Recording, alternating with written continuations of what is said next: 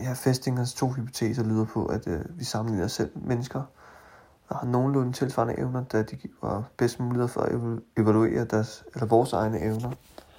Og at vi sammenligner os opad mod andre, der har bedre evner på et område øh, end os.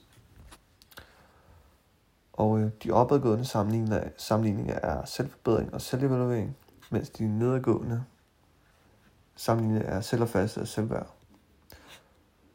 Og øh,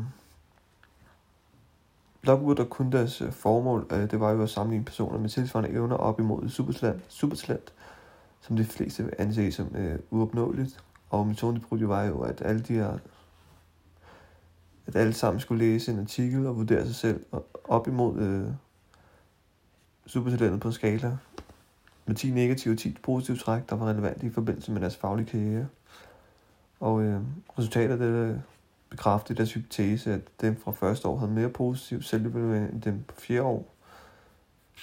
Og øh, så var der en tunneleffekt, som jeg ikke lige helt fik fat i, men det er jo, jeg går ud fra, at det er, når man indstiller hjernen på, at man godt kan opnå, eller bevæge sig ind i de områder, man ikke selv troede, man kunne opnå i hvert fald. Og øh, selvopfattelsen, det er jo, at man ikke... Øh, at man, øh, man kan svække ens egen opfattelse, øh, ens selvopfattelse på et område, når man, når man identificerer sig med, med en anden. Så er den der Big Fish Little Pond effekt. Øh, undersøgelsen dækker over, at studerende faglige selvopfattelse er forbundet med, hvor dygtige de andre studerende på studiet er. Som dokumentation er der blevet brugt en øh, længdesnitundersøgelse, der involverede øh, 7.997 studerende på 44 skoler over fire år i Hongkong, og undersøgelsen viser jo, at de studerende, studerendes evner på den ene side var positivt korreleret med deres faglige og selvopfattelser.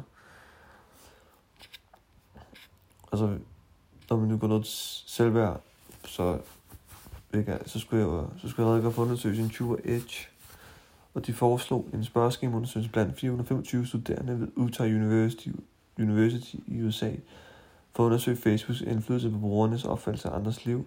Og det viser sig, og det viste sig, at dem, der brugte Facebook øh, meget eller brugte det øh, hver uge, anså andre for gladere end dem selv og vurderede andre til at have et bedre liv. Og undersøgelsen viste, viste også, at dem, der havde mange Facebook-venner, de kendte, mente også, at andres liv var bedre end deres eget. Og så skulle jeg redegøre for undersøgelsen Morsing Gærken, og øh, de lod 78 studerende besvare et spørgeskema i forbindelse med, at de ankom til et jobinterview, hvor de skulle vurdere sig selv. Efter skemaet var udfyldt, skulle man øh, tilfældigt møde to andre jobansøgere. Halvdelen skulle møde Mr. Clean, som var velklædt, velplejet og selvsikker, imens den anden halvdel skulle møde øh, Mr. Dirty, som var grimt klædt og usikker. Efter undersøgelsen viste det sig, at de studerende, der mødte Mr. Clean i gennemsnittet, havde lavere selvværd end dem, der mødte Mr. Dirty, da de i gennemsnittet havde deres øh, selvtillid, eller selvværd højere, efter mødet Mr. Dirty.